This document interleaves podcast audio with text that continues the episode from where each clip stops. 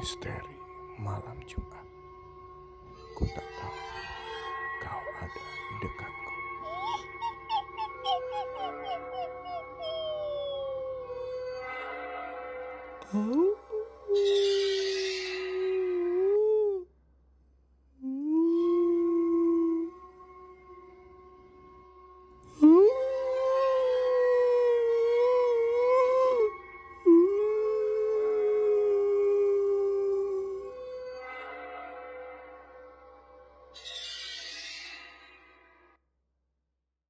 Edisi kali ini e- edisi misteri. Jadi eh, mungkin pengalaman-pengalaman dari kita berempat yang bisa kita sharing mengenai eh, misteri-misteri yang ada di sekitar. ada di sekitar kita baik itu yang pernah kita alami ataupun mungkin dari cerita-cerita orang lain. Coba kita ceritakan lagi dengan cara yang lebih santai eh, tapi horor.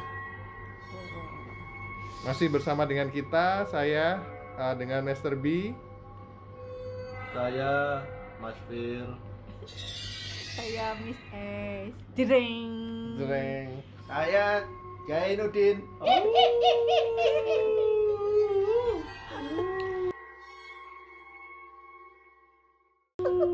Mungkin saya mulai ya. Jadi saya ada apa ya pengalaman misteri lah eh, dulu waktu ada di luar kota. Jadi ketika itu apa eh, bertugas di sebuah daerah bersama teman-teman eh, kantor kita coba untuk menyewa sebuah rumah. Itu. Nah, jadi waktu cari-cari tiba-tiba ada rumah gede nih. Memang harga pasarannya jauh lebih kecil, lebih rendah dibandingkan dengan eh, sekitarnya. mau itu ada peruntukan untuk disewa Ya, jadi dia disewakan. Cuman ya waktu kita tanya-tanya segala macem sih fine ya. Jadi maksudnya ketika masuk di awal-awal sih enak. Kalau rumahnya gede, Hmm. rumahnya gede, kemudian kamarnya itu juga cukup buat kita berenam lah. Hmm. Jadi ada sekitar 6 kamar, 7 kamar, terus kemudian di belakang juga ada kamar pembantu. Di sebel- di samping kamar pembantu itu ada sumur. Hmm. Terus halamannya cukup luas dan dia ketika kita apa sewa harganya miring banget gitu. Jadi makanya kita tertarik sih untuk apa namanya kita sewa gitu. Eh, sebulan dua bulan pertama sih apa namanya masih normal ya ininya. Tapi menginjak bulan ketiga itu tiba-tiba tuh biasanya kalau apa saya tidur capek gitu kan biasanya sampai jam 4 pagi atau jam 5 pagi gitu kan. Tapi entah kenapa setiap kali tidur itu saya selalu terbangun di jam 2 pagi Hmm. dengan eh, karena kebetulan kamar saya apa namanya menghadap ke ini ya ke belakang jadi entah bagaimana biasanya setiap malam itu jendela tuh saya tutup Dan sebelum tidur banyak minum, jadi pengen ke kamar mandi tuh. nah itu juga sih tapi sudah saya pastikan sih setiap biasanya sih saya kalau buang air kecil ya sekitar jam 3, jam 4 gitu ininya tapi ini entah bagaimana secapek-capeknya jam 2 selalu bangun Mas J. Serem itu, serem. Udah mulai serem kan? Udah mulai serem kan? Nah, jam 2 itu bangun, entah bagaimana mata saya tuh selalu mengarah ke jendela. Gitu. Jadi matanya jadi bangun terus saya ngeliat ke jendela. Jadi seperti ada yang apa namanya? Melihat. ngelihat ke Ya, saya, iya. Cuman sih saya Kirain- saya merasa oh, itu mati lampu.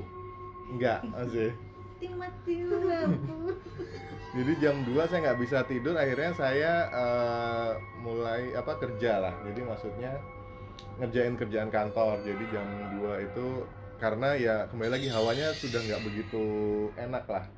Hmm. Jadi saya kerja kantor, eh, cuman seperti perasaan ada yang nungguin di belakang saya. Ini. Nah terus kemudian one day kemudian saya sakit one day itu saya sakit terus eh, kebetulan apa yang bersih bersih rumah itu dia pinter mijet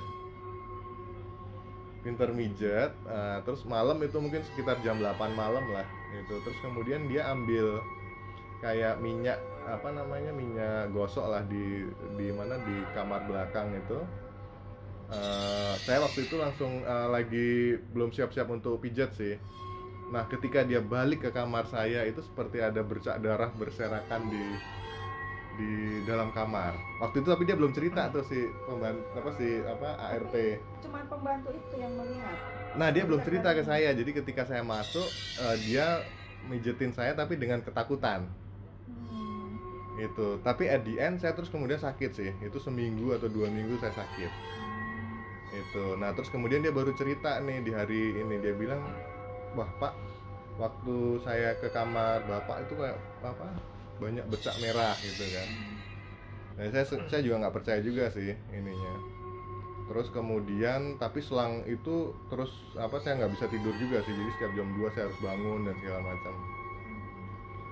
Nah, terus kemudian pernah suatu waktu saya nggak tidur di kamar.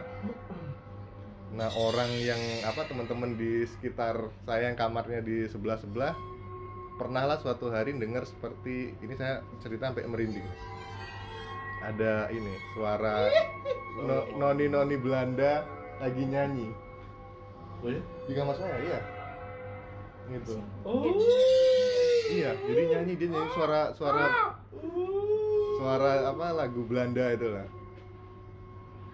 Gitu. Terus kemudian apa namanya? em, ya saya sempat bilang juga sih cerita sama apa namanya?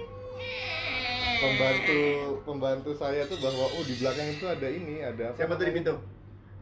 ada sumur Oh. jadi ada sumur nggak dipakai lagi. nggak dipakai sih itu cuman ya itu saya pernah bilang sama apa namanya kan dia sering kalau apa namanya datang ke rumah bersih bersih itu bawa cucunya. Jadi si cucunya itu dia main ke apa namanya ke sumur. Itu dia main ke sumur terus kemudian seperti ini kalau lihat film-film horor itu dia seperti bercerita ngobrol sendiri sama orang yang ada di situ. Itu terus kemudian em, singkat cerita akhirnya si cucunya juga sakit. Itu bahkan waktu saya tinggal keluar kota balik lagi si ART saya cerita bahwa cucunya meninggal. Katanya yaitu karena si or, apa yang ada di dekat sumur itu dia ikut ngikut sama si cucunya itu. Jadi si cucunya itu entah bagaimana main sampai nggak makan susah makan dan segala macam itu. Akhirnya dibawa ke dokter dokternya juga nggak ini. Akhirnya meninggal sih. Terus kemudian ya singkat cerita karena kondisinya udah nggak ini ya maksudnya udah kita panggil orang yang orang pintar ininya untuk ini. Karena kita yang dari lima kamar akhirnya ngumpul jadi satu kamar tuh setiap malam. Karena eh, terornya semakin lama semakin ini padahal kita laki-laki semua loh jadi kayak begini nih ber, berempat berlima gitu. Tidur satu kamar tiba-tiba kayak di kaca itu ada piar gitu kan. Laki-laki semua termasuk makhluk halusnya. nah itu. Jadi kita dan apa eh, selain saya dari teman-teman juga juga kena juga tuh ininya. Nah itu jadinya akhirnya kita minta ini ya ternyata ketika dilihat ya memang ini memang apa namanya? Ada sesuatu. ada sesuatu. Nah akhirnya kita uh, putusin ini udah nggak sehat nih di rumah itu kan. Jadinya kita pindah. Terus sama itu diapain? Kita pindah Oh, itu- oh, terus nyewa kemudian iya karena nyewa ininya. Kita pindah kita tanya juga. Ya uh, tanya ke tetangga dulu yang waktu ninggalin seperti bagaimana segala macam ya bilang juga bahwa apa namanya em, ternyata seperti kita juga jadi banyak diganggu. Akhirnya mereka keluar. Gitu di situ. Jadi nggak tahu itu cukup cukup misteri atau ini tapi tapi ya itu sih ini sumur tua di belakang itu juga. Semenjak itu nggak ada yang lagi ini ya? nah saya nggak tahu tuh karena kita sendiri juga nggak berani untuk datang ke situ juga tuh ini. Padahal rumahnya gede. Terus waktu kita masuk mungkin udah dicat ya sama yang pemiliknya ini. Itu mungkin dari saya. Mas Fir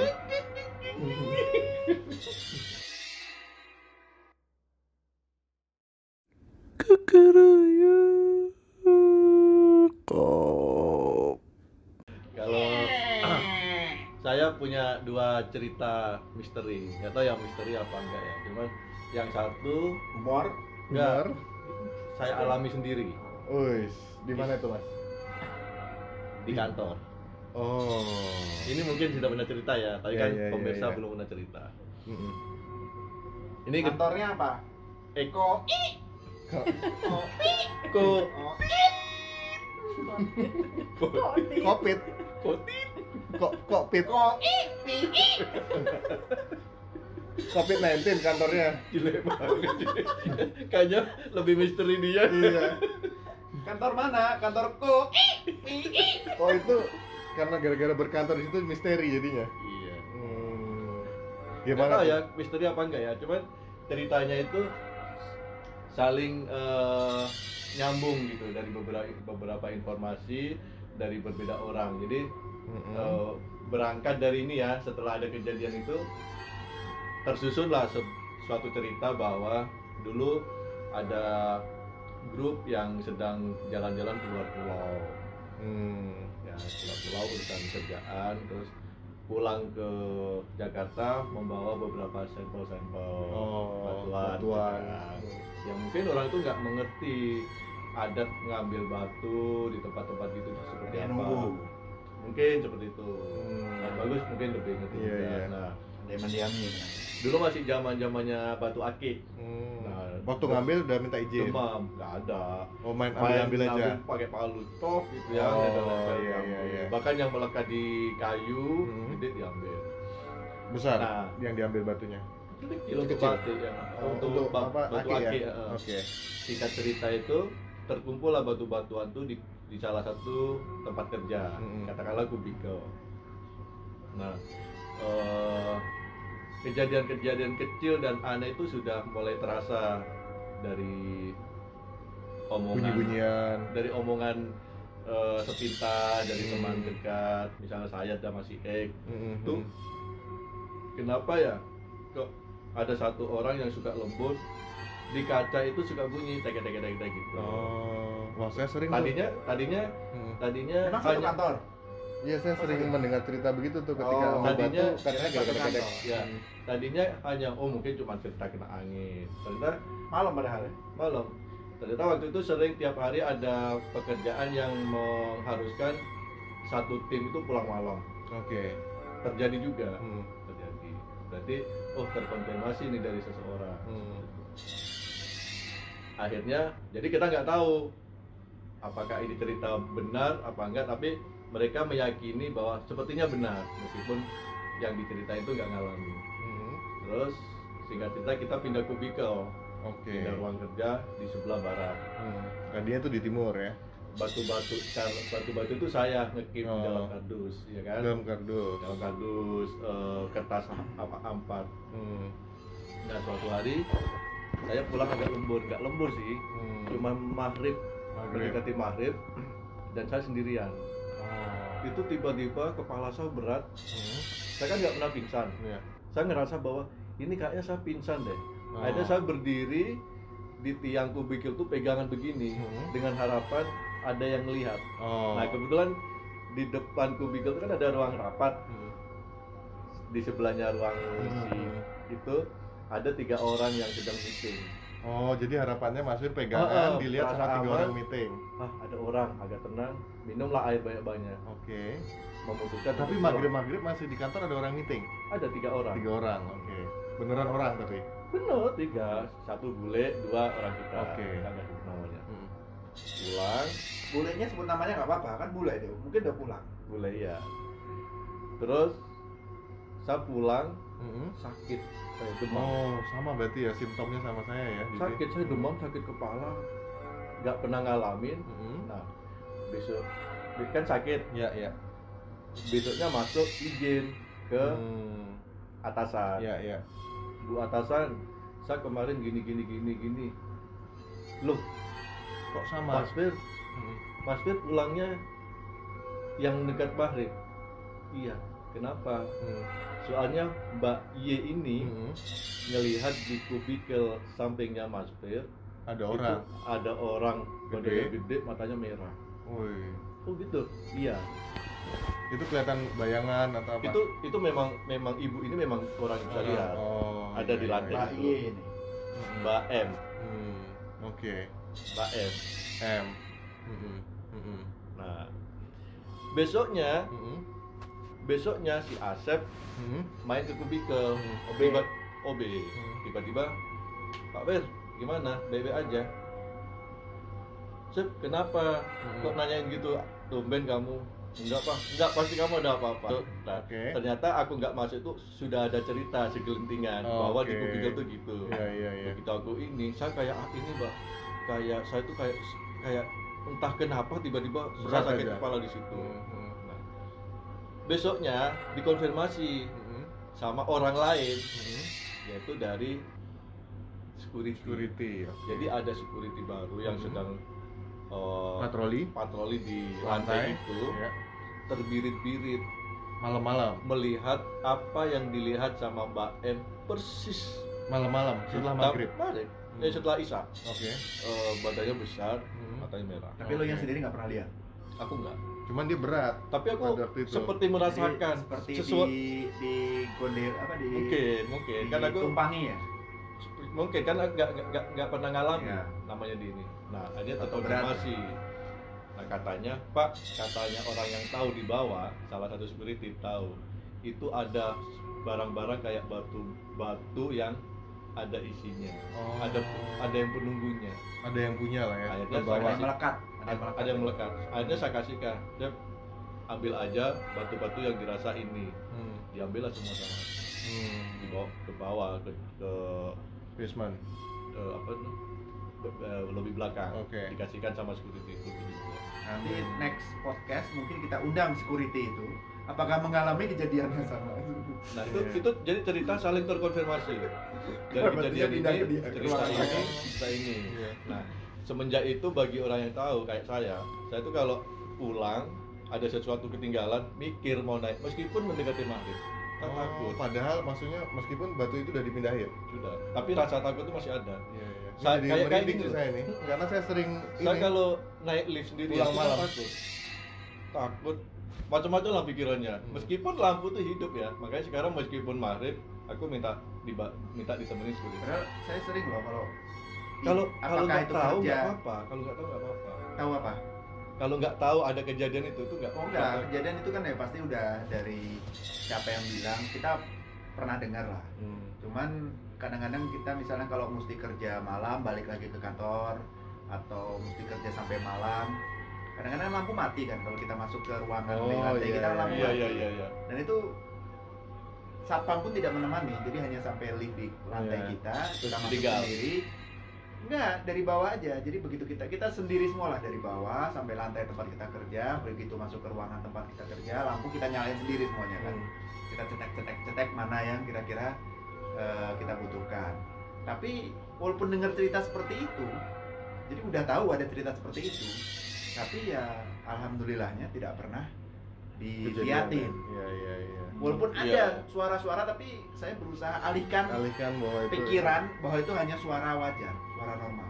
Ya jadi berarti- tidak perlu dihubungkan bisa dengan kejadian pikiran kalau yang nggak- pernah terjadi atau yang di selama ini aku nggak benar aku nggak bisa jadi pada saat dipaksa untuk berpikir positif selalu ber, selalu ada Karena dalam pikiran udah tuh, kena ya. ini dilihat di bawah di belakangnya yang lihat Iya. ada yang lihat ini misalnya waktu pulang belok begini sebelum belok dari kubikel pojok itu itu pikiran di ujung sana udah ngeliat memang memang kalau kita Iya kan? masukin itu apa namanya kita apa ya kita berusaha supaya nggak tenang jadi walaupun kita berusaha tenang tapi kita masih ada kepanikan kesannya itu kan lorong itu kan panjang iya ya iya itu ada yang panjang kan sana sini ada yang gelap kan yang terang mungkin di dekat tempat kita kerja ya. Nah itu kesannya kita ada sesuatu di sana gitu yang menunggu kita. Kalau kita ke sana itu akan terjadi apa-apa. Ya memang untungnya saya nggak nggak bisa melihat. Tapi kalau dibilang bisa nggak ngerasain? Ya mungkin itu yang tadi yang saya rasain. Iya. itu pertama ya ini nggak tahu ada misterinya apa enggak tapi eh, Misteri sih. tapi jadi, terkonfirmasi. jadi mungkin ada dua kemungkinan tuh Mas Fir kalau saya lihat ya. Itu memang dia ada di situ dari awal sebelum ada batu. Hmm, Kedua, dia merasa tersaingi karena ada batu di situ. bisa jadi ininya jadi dia ada dua tuh jadi emang itu dari batunya atau emang dia emang sudah ada di situ kemudian ada batu nih yang mengganggu dia tapi batunya tidak pernah atau kelempar sendiri gitu paling gitu. geletek, geletek. Iya kan gua gede-gede dari batunya Dan Iya. batunya. Itu kan ditaruh di dekat kubikel kubikel tuh sini kan kaca Iya. itu keletek-keletek dan tidak semua dia tidak akan menunjukkan ke semua orang keletek-keletek Nah, orang manusia tertentu manusia yang membawa batu itu sudah teridentifikasi. Siapa? ada teman mungkin ada ad- ada. Karena memang kalau saya lihat sih dia emang di situ ininya. Tapi ketika ada batu akhirnya dia tertarik untuk main di situ. Jadi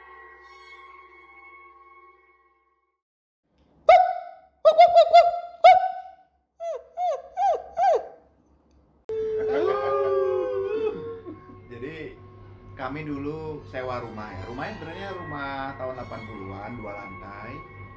sewa ya Sewa ya, rumahnya tidak terlalu besar dan apa Sebelum karena rumah yang sini rumah apa namanya yang tinggal juga kami sekeluarga empat orang plus satu ART yang cukup senior yang kerjanya mungkin dominannya apa eh, lebih ke Di rumah. untuk masak oke cukup senior ART bukan cukup senior tapi dia yang senior lah Hmm. nah singkat kata kami berempat tinggal di situ airnya tinggal di kamar ART kamar ART bukannya kamar yang belakang jauh dari ruang kerja? Enggak.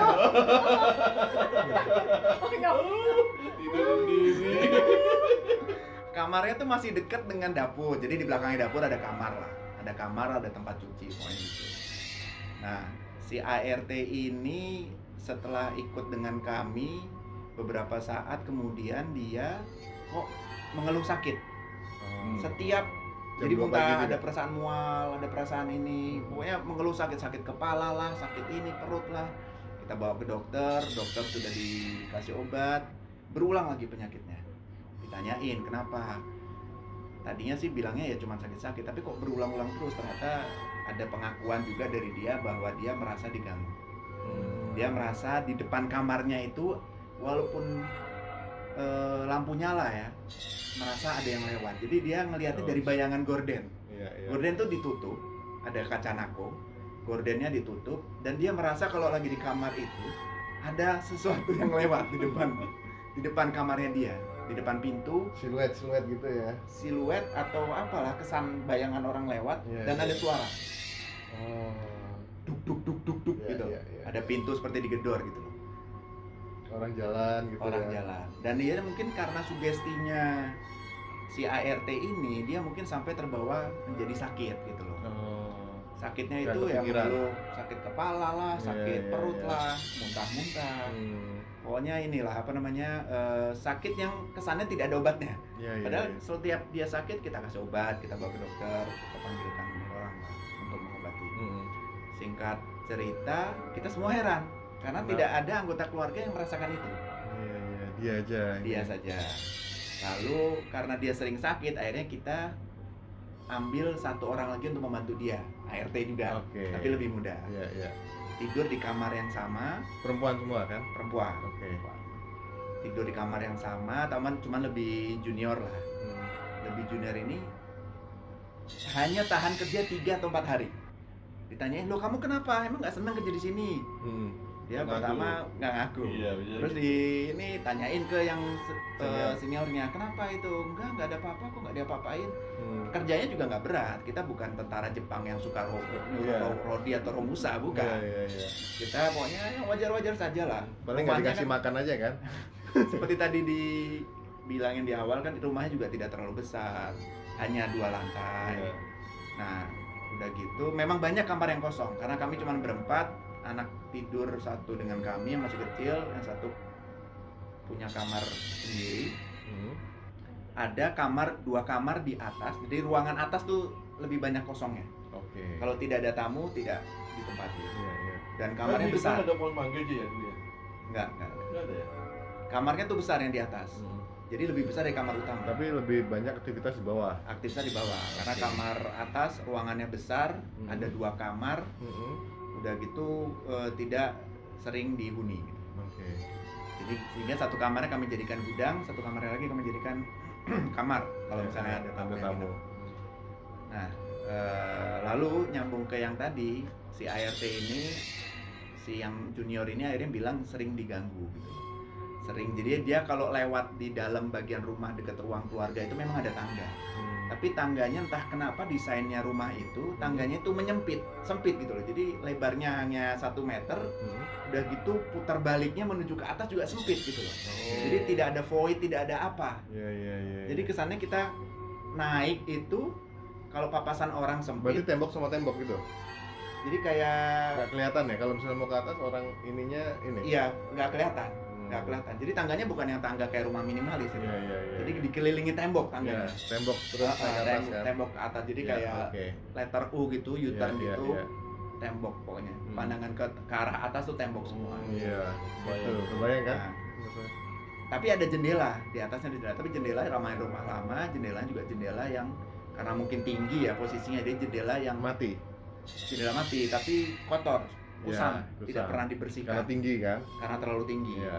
dan kalau dari luar itu susah untuk membersihin dan karena rumah sewa juga kita juga agak nggak peduli sebenarnya untuk iya bersihin iya iya. udah disingkat lagi ceritanya Hmm.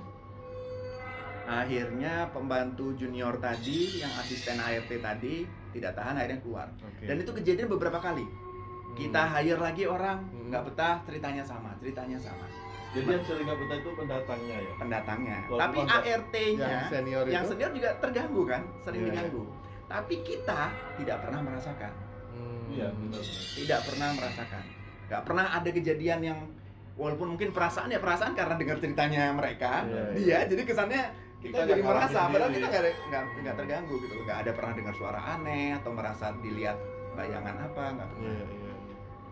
lalu Tapi eh, mungkin gara-gara dia lebih paling lama, maksudnya lebih lama tinggal di rumah itu kan, karena kalau Mas J kan ke kantor atau ini kan ya. istri juga di rumah Oh ya. ini ya. pokoknya nggak ada yang pernah terganggu lah merasa terganggu anggota keluarga inti ya Hmm. lalu suatu hari ada eh, saya lupa apakah kita panggil ataukah ada tamu yang bisa melihat Hmm. sempet, seperti ustadz gitu Iya iya. oh kalau nggak salah kita panggil itu berdasarkan referensi kita panggil ustadz itu Hmm. Dia eh, ikut mendoakan rumah itu. Rumah itu bukannya rumah yang kita tidak sering untuk tempat ibadah ya. Iya, ini kita sering ibadah juga di Iya, situ. Eh, makanya itu husnuzon atau baik sangkanya ke kita karena mungkin kita ini ya sering kita pakai untuk kegiatan baik lah di rumah itu. Hmm. Makanya anggota keluarga inti tidak ini tidak Iya, iya, diganggu tapi kalau kami melihat si ART senior ini pun juga cukup saleh gitu loh Iya iya. tapi iya. kenapa dia juga juga terganggu ya. gitu akhirnya menurut yang si Ustadz tadi iya ini memang rumah ada yang yang, yang- mendiami Hmm. tapi anggota keluarga tidak pernah dia akan mengganggu dia tidak akan pernah mengganggu anggota keluarga pemilik rumah ini Jadi- Iya ya, apa karena eh, apa mungkin dianggap bagi mereka sebagai bagian dari keluarga, jadi nggak diganggu. atau Kalau karena dia kan- sesama penghuni ya Iya. jadi kan mereka menghuni rumah itu si eh, makhluk astral ini mari menghuni rumah situ dan terhadap sesama penghuni mereka tidak akan ini sementara tahu kalau si ART ini Aku bukan pernah ini masih tukeran kamar sama ART-nya itu. enggak dong Enggak kan? Iya, jadi maksudnya kadang itu kan mereka punya jalur nih. oh enggak gini Jadi, jadi, kita dari kamar itu Iya. naik ke atas tuh. ya gini kita tidak ingin meneliti atau Oh, me- iya, iya. me- mencoba me- Meyakini. mengalami Hmm. mendalami mengalami Bahkan lebih jauh meyakini. gitu loh bahkan meyakini gitu loh Iya, iya, jadi iya. hanya udah cukup sampai mendengar ceritanya dia aja udah nggak usah kita buktikan nggak usah kita Iya, buktikan iya, iya. Tapi nggak ada yang terefek kan maksudnya? nggak ada nggak ada kita alhamdulillah nggak ada yang sakit nggak ada yang terganggu nggak ada yang merasa terlihat gitu Hmm. Nah si ustadz ini bilang ya ada ini apa dia mendoakan beberapa ruangan di situ termasuk ruangan si tempatnya ART ini hmm.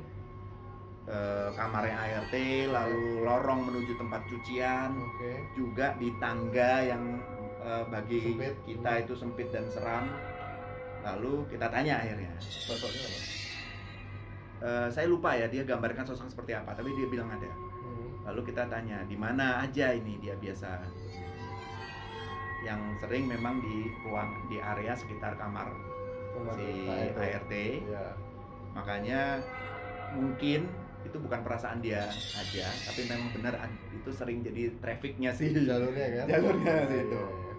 yang kedua bahkan sekarang pun jadi dia berdiri di bawah tangga di dekat ruang keluarga kami dekat tangga bahkan sekarang pun saya sedang melihat dia di ujung tangga Iya. langsung kita kita melihat ke arah tangga semua kan jadi tangga itu begitu kita naik tangga tembok Iya, iya. ada jendela tinggi Iya, di situ. iya. Saya terus tuh. ke sananya nggak ke atasnya kita nggak merinding kelihatan ke atasnya tuh nggak Iya kelihatan iya jalur. jadi kita ngomong-ngomongnya di sini ini tangga Ya, sempit nggak itu kelihatan dia makanya mak, mak- Tembok gitu bahasa Jawa mak berdunduk dia ada di situ kalau misalnya kita. bahkan sekarang pun saya sedang melihat dia di sana melihat ke arah kita Iya, iya. langsung kita kan apa ya perasaannya ya campur aduk lah Tapi ya kita juga yang menghuni itu walaupun tidak pernah diganggu tidak pernah dilihatin tapi ada perasaan sedikit bahwa area ini memang area yang serem iya, iya. Area yang serem tapi nah karena ditambah cerita dari mana-mana kita kita agak apa ya agak sedikit ngeri kalau melihat menatap langsung ke sana kecuali ada keperluan ke atas gitu. Hmm, Seperti tadi saya bilang atas tuh kebanyakan kosong. Iya, iya. Jadi kita memang aktivitas sebagai eh, sebagian besar di bawah. Jadi si Ustadz tadi bilang ada sekarang dan saya sedang melihat dia juga melihat ke arah kita gitu. Hmm. Jadi Lagi berdiri di sana. si Ustadz tuh sosoknya. mindahin nggak? Nggak, Hah? nggak, nggak bisa. nggak Apa? bisa. mindahin. Ustadz itu mungkin Supaya tidak memindahkan, aja, cuman iya. tidak mengganggu Jadi maksudnya lebih. Nah, terus Ustadz tuh ke atas, ke kamar atas. Dia bilang iya di area sini ada. Kamar atas kan tadi hanya dua kamar, yang satu kita jadikan gudang, satu kamar tamu lah. Di gudang ini memang ada gitu. Di gudang tuh memang perabotan yang kita tidak gunakan kita taruh di gudang itu, di kamar itulah. Hmm. di gudang. Lalu eh, di bawah, eh, jadi di tiap kamar dia udah bawa ini stiker tapi isinya eh, ayat gitu, bacaan gitu. Di tiap kamar pintu kamar ditempel. Semua kamar maupun yang diganggu maupun yang terasa maupun yang tidak. Iya, iya. Lalu saya kami tanya lagi, selain di sini di mana aja? Di dalam rumah aja atau juga di luar? Di depan di jadi taman kami itu kecil sebenarnya. Terasnya kecil, kamar eh tamannya kecil. Tapi ada satu pohon. Saya lupa pohon apa gitu ya. Hmm. Di pohon itu ada di pojok pohon Hmm. itu. Tapi biasanya di pohon itu eh, tidak begitu mengganggu. Karena mungkin dia tahu tempatnya di situ, dia Iya. tidak masuk ke rumah. Ya, jadi ibaratnya si jalur ini udah ada nih yang yang patroli kan. Hmm. Nah, dia nggak nggak bisa Nggak, tuh nggak. mau ini Iya. masuk ke situ. Sebenarnya mereka itu jalurnya jalur seperti kita gitu nggak ya? Iya, Iya. Enggak, maksudnya kalau lihat pintu, pintu sini. Apakah dia punya pintu sendiri di sini tembus punya, punya, tembok gitu? punya. Oh, berarti tidak harus ngikutin jalur kita ya? Kalau misalnya jalur dia kita tidur di situ, ya itu karena Ganggu. dia merasa terhalang ininya. Jadi pastinya. Iya sehingga mau nggak mau mungkin kalau misalnya kamarnya dirubah atau bagaimana mungkin bisa. Nah, itu masalahnya rumah orang ya. Nah itu dia ininya. Rumah orang dan memang ether atau plafonnya itu memang pendek-pendek jadi karena rumah tahun 80 padahal di komplek ya. Cuman di komplek cuman bukan soal di komplek enggaknya mungkin tapi karena juga penunggunya dulu mungkin kenapa gitu loh. Hmm. Jadi si makhluk ini bisa sempat Tinggal di memilih untuk bertinggal bertempat tinggal di situ. Iya. Jadi selain yang di depan di pohon itu bilangnya tidak begitu Masuk. mengganggu, yang di dalam pun yang tuan rumah dan keluarganya tidak akan diganggu. Iya karena nggak pernah Mas J nggak pernah menghalangi dia tuh Iya, perjalanannya dia. ya mungkin ya. Iya. Apalagi jalur kita jalan nggak Iya berbeda kan. nggak Nggak ngelewatin tidur dia. Ininya makanya Tempat tadi dia keinjek dia. iya makanya Tapi enggak walaupun enggak gitu. Kenapa juga kamar tidur kita tidak menjadi jalurnya dia dari awal. Itu juga kita nah, itu nggak tahu tidak ini, Ya mungkin karena gini. Karena si yang dulu-dulunya juga orang yang tinggal di situ dia lebih sering tidur di kamarnya Mas J. Jadi dia si yang makhluk astral ini dia tahu nih. Oh itu ranahnya manusia nih, ya kan? Ini ranah saya yang di belakang. Itu gua. Iya. Kaget saya. apa apa ran- ranah kita yang di belakang terus kemudian eh ya itu jalurnya ya, itunya ya make sense mungkin ya make sense. Ya pokoknya akhirnya dia mendoakan ya udah kita dan dia tidak mengusir sih Hmm. sebenarnya, tidak mengusir si makhluk itu karena kita tidak mau juga iya sampai ke situ lah. Yang penting tidak terganggu. Tidak, tidak saling mengganggu. Nah, cerita sedihnya si siapa eh, ART senior ini sakit berkepanjangan akhirnya dia pulang ke kampungnya. oke Pulang ke kampungnya udah tidak betah. Kita Ya. juga tidak bisa ya merawat lah karena ya. dia mungkin juga diminta keluarga untuk pulang. pulang aja gitu ya Sampai di kampungnya nggak saya nggak tahu kabarnya itu berapa bulan atau berapa lama Mm, mm, mm. kita dikabarkan ART meninggal meninggal dunia karena sakit Nah, apakah itu ada hubungannya Aduh, dengan ini. kejadian yang dialami di rumah kami atau dia itu yang jadi misterinya lain? masih ya Iya, itu sih. Jadi mudah-mudahan ya, Ya, apa, kita bisa mengambil percaya hikmahnya dan- lah. ya, percaya dan kalau kita percaya ya kita juga jangan menantang. menantang ya. Kalau kita tidak percaya juga Percaya. kita juga jangan menganggap terlalu ringan Iya, gitu iya, loh. iya. Bahwa ada makhluk-makhluk astral yang juga hidup bersama kita di sekeliling kita. ya.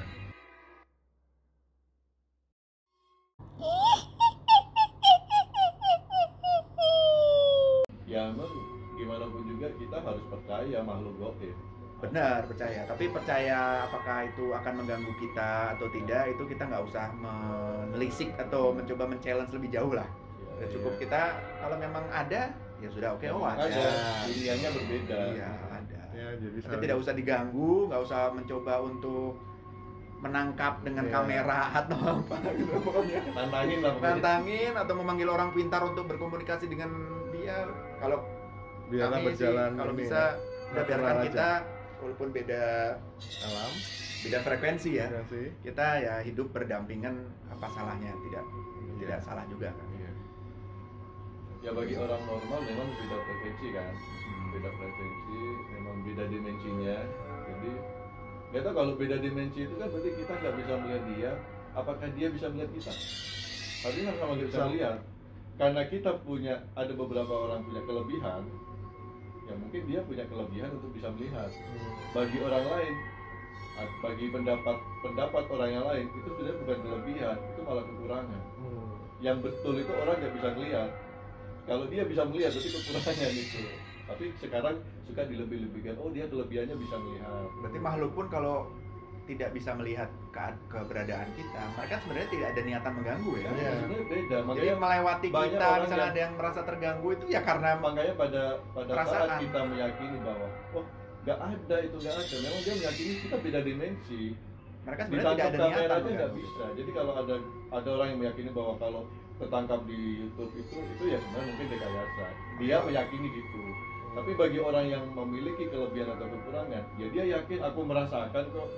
Sama yang cerita di lantai itu kan dia memang melihat sendiri kayak orang tua aku. Orang tua aku kan termasuk orang yang terbiasa diganggu dari remaja dulu Hmm. jalan diganggu apa pohon bambu menghalangi dia gitu. Itu cerita sebenarnya.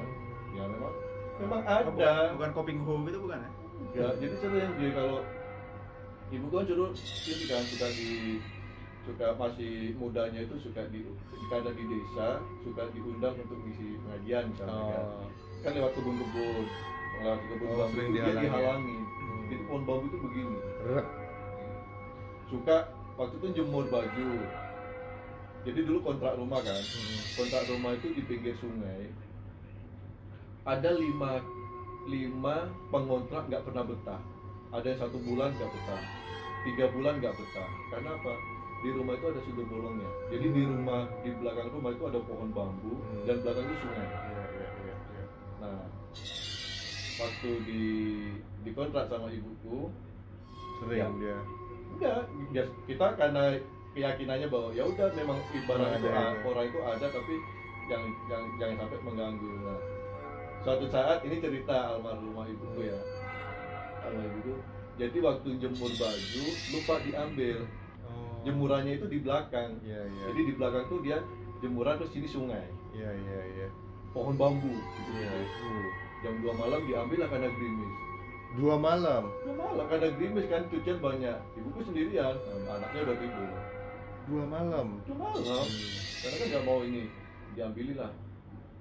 Ya besok paginya cerita. Diganggu ada yang duduk di pojokan Ada duduk ada yang ngeliatin ibu ibu ada jemuran aja. Bisa lihat. ibuku Iya. Bukan bisa ngeliat diperlihatkan.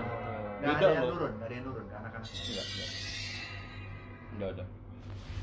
Enggak ada, ada. kalau nenek moyang ada kata yang bisa tapi tidak semua anaknya ini. Kalau kalau ibuku itu hanya diperlihatkan. Di Nah, rumah juga diperlihatkan. Di rumah yang lama juga diperlihatkan Kalau manusia biasa kan ada yang bisa melihat. Nah, kalau makhluk astral ada yang bisa melihat rumah- kita nggak? di rumah adikku di rumah adikku itu di Pesona Depok itu Hmm. itu kan di Pesona Depok itu kan ada Sungai Ciliwung. Ya. Dia kebetulan da- rumahnya itu di pinggiran Ja- Cili- Ciliwung situ. Itu ibu itu pernah kita ngumpul jam setengah empat. Ibu Pagi? langsung bilang, tuh tuh tuh, dia naik tangga naik tangga nih. setengah empat pagi Ya setengah empat sore. sore Hmm. Jadi memang ada tempat mas, tempat yang tidak ya kayak itulah mas. Ada tempat yang nggak pernah didatengin. Hmm. Jadi tempatnya itu di atas kamar kayak mungkin dulu kamar anaknya gitu yang sendirian di situ. Nah ini nggak pernah ditempati. Kita naik aja merinding loh jam 2 siang, pergi jam 2 malam. iya Kalau ibuku itu dia lagi turun, barusan naik, barusan lewat di sini.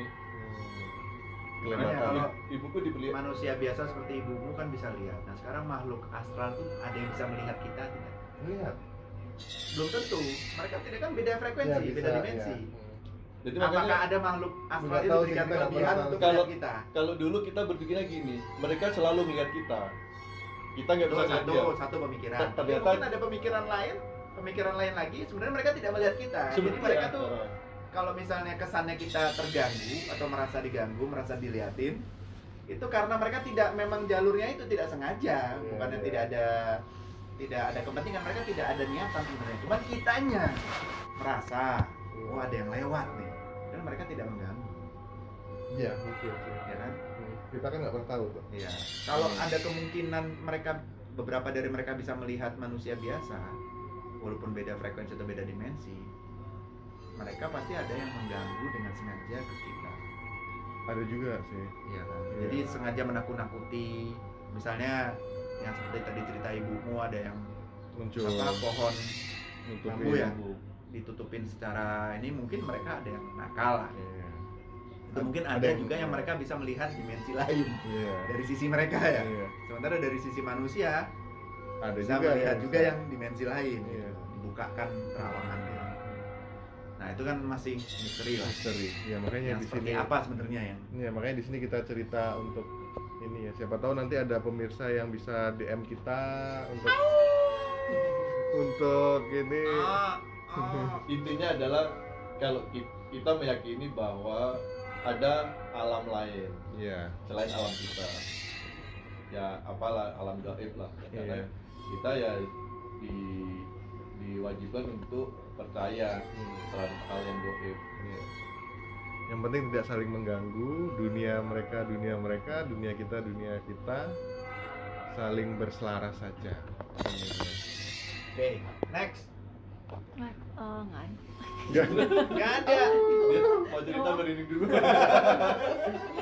minum minum dulu Sri minum dulu minum dulu Ada ya sih emang banyak kejadian-kejadian yang ya seperti itu percaya tidak percaya yang kita ini ya, tapi akhirnya gini, jadinya kalau aku ya mau Hmm. cerita-cerita gini itu sebenarnya itu aib. Iya. Aib itu se- sehingga apa? Kalau aku cerita, jadi orang berpikir gini, oh di rumahnya Firdaus ada ini, di rumah jadi jadi kayak aib gitu. Ini kan Hmm. suatu apa ya? eh, ya kita sama kejelekan ya. Ya kayak kejelekan ini rumah kok ada hantunya gitu lah. Kan, kan bukan kemauan kita. Iya, iya. bahkan ada yang yang paranormal tuh bilang kok kamu bikin rumah modelnya gini sih? Kok hadapnya gini? Udah kamu pikirkan. Ya kita Nggak pada ada ya. ada aturan gini. Iya. coba deh kamu itu pintunya dirubah hadapnya ke sana. Rumah hadap ke sana kok pintunya suruh hadap ke barat? Gimana? Gitu kan. Pokoknya gimana caranya? Jadi bermain-main dengan itu jadinya apa apa sih? Cina Shui. Feng Shui. nggak boleh ada pintu yang pintu pintu pintu pintu. Nah itu. Itu kan nggak bagus. Yang mungkin kayak mirip-mirip Lawang Sewu. sewu itu. Lawang sewu itu kalau pintu semua dibuka tembus nih. Pintu pintu pintu pintu. Nah itu Makanya katanya ada nggak bagus. Iya. Pintu? Ada pintu? Saya pintu lagi Hmm. Dia Nah, ada ini masuk ini keluar lagi gitu ya? nih ini connecting Enggak kayak di sana iya, connect kayak doang, connecting. connect Kan dulu Lawang Sewu tuh kan tempat kerja ya, ruangan kerja. Jadi satu bangsal kerja dengan bangsal lain tuh ada connecting door-nya. dan Jadi itu lurus. ada dalam satu dalam satu sisi tuh mungkin ada lima bangsal sebelah sebelahan dan dihubungkan oleh pintu. namanya feng shui itu menyika, men- menyiasati itu gini kalau memang ini ada pintu disuruh kasih kasih cermin di ujung sana disuruh kasih cermin kaca kaca kayak gini cermin cermin Hmm. berarti dia mantul Jadi Ya, kalau gitu kita lah. ngelihat dari ujung ruangan, ada orang di ujung ruangan yang misalnya 500 meter atau 300 meter jauhnya kita bisa melihat tuh karena pintunya tuh nyambung terus. Lurus ya. lurus terus. Ya banyak lah pertimbangan yang kita nggak nggak ngerti juga kenapa apa sih hubungannya dulu karena berhubungan dengan energi positif dan negatif juga misalnya eh, arah angin misalnya sampai ke situ lah pokoknya. Iya. ya energinya biar bisa mengalir ininya nggak tertahan atau kayak model tusuk sate itu itu kalau dari Logika? ilmunya mereka memang make sense juga. Itu enggak energinya nggak bagus tusuk sate. Iya iya iya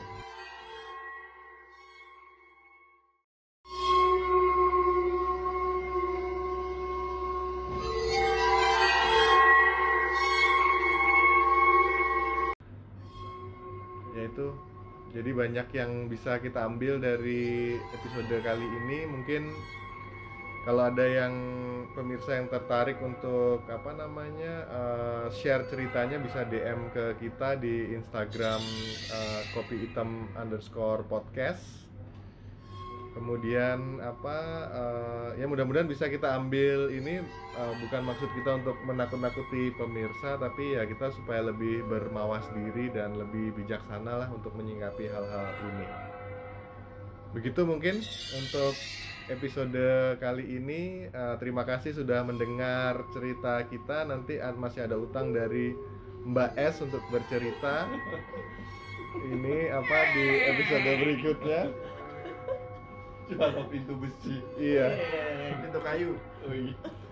Oke, terima kasih. Sampai ketemu lagi di episode kita selanjutnya. Bye. Ciao.